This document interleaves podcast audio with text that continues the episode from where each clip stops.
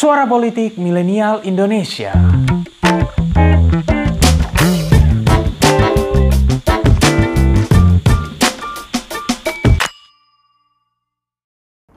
Masyarakat sipil yang aktif dan kritis mengawasi pemerintah adalah salah satu prasyarat utama agar demokrasi bisa berjalan dengan baik di suatu negara. Namun apa jadinya kalau kelompok masyarakat tersebut justru malah akan diawasi?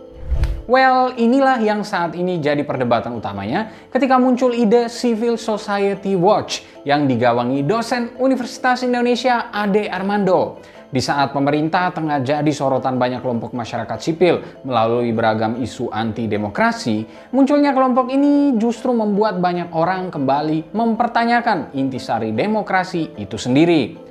Apalagi kelompok ini adalah pendukung Presiden Joko Widodo yang saat ini tengah berkuasa. Tentu, wacana unik itu kemudian jadi bahan pembicaraan masyarakat di media sosial. Ada yang menanggapinya secara serius, ada pula yang meresponsnya dengan ragam guyonan seperti memes atau template cuitan yang tengah populer. Terlepas dari respons netizen, apakah serius atau bercanda, banyak yang menilai nuansa kemunculan kelompok yang demikian ini bisa menjadi ancaman terhadap demokrasi yang muncul dari kelompok masyarakat pengawas masyarakat ini. Lalu seperti apa kehadiran kelompok Civil Society Watch ini harus dimaknai? Sebelum kita mulai pesan sponsor dulu ya. Pintar Politik baru saja merilis beberapa seri e-book yang berisi kumpulan tulisan. Sudah ada Membaca Politik Jokowi, Membaca Politik Luhut, dan Jalan Politik Prabowo. Dan buat yang bertanya-tanya, yes, buku fisiknya juga sudah ada. Buku-buku ini bisa kalian dapatkan di Tokopedia, Bukalapak, Shopee, dan semua toko online lainnya dengan mengunjungi toko Pinter Publishing ya. Link selengkapnya juga bisa kalian cek di kolom deskripsi. Back to the video, mari kita mulai.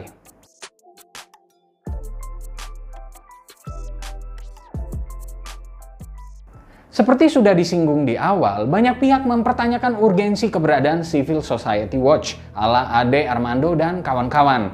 Ade sendiri membantah kalau kelompoknya akan melindungi pemerintah yang berkuasa. Kelompoknya justru akan meminimalisasi masyarakat dari intervensi negara. Secara khusus, Civil Society Watch disebutkan akan jadi tempat pengaduan masyarakat atau perusahaan yang merasa dirugikan oleh LSM. Kelompok itu juga akan menjadi kontra narasi terhadap pelanggaran etika yang dilakukan oleh LSM. Ade sendiri tidak menutup kemungkinan akan membuat laporan jika ada organisasi yang ia sebut memalak atau mengancam. Tentu, Ade dan kawan-kawan boleh punya argumen kalau mereka tak jadi kelompok yang melindungi pemerintah. Mereka juga mungkin merasa tak akan jadi pihak yang akan melaporkan sesama masyarakat agar dijerat secara hukum. Meski demikian, publik boleh belum terlalu yakin bahwa Civil Society Watch akan berjalan secara ideal. Publik mungkin akan melihat afiliasi atau kecenderungan politik Ade dan orang-orang di sekelilingnya, sehingga ada potensi bias dalam rilis laporan mereka.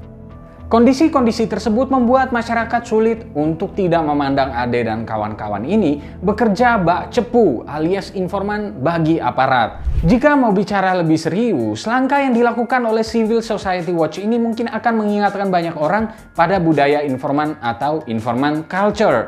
Jika merujuk pada Jim Redden dalam Snitch Culture, How Citizens Are Turned into the Eyes and Ears of the State, hal ini biasa disebut sebagai snitch culture.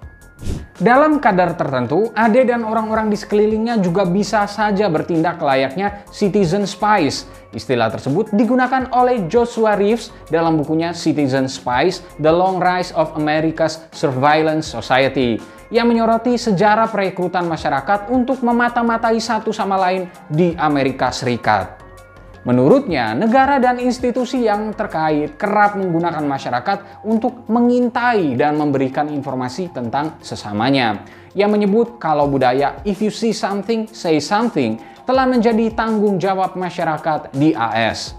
Artinya, boleh jadi itulah yang akan dilakukan oleh Ade dan kawan-kawan lewat Civil Society Watch. Memang, mereka mungkin tak akan bertindak layaknya Intel, Mungkin juga mereka tak mendapatkan penugasan atau instruksi yang sifatnya formal.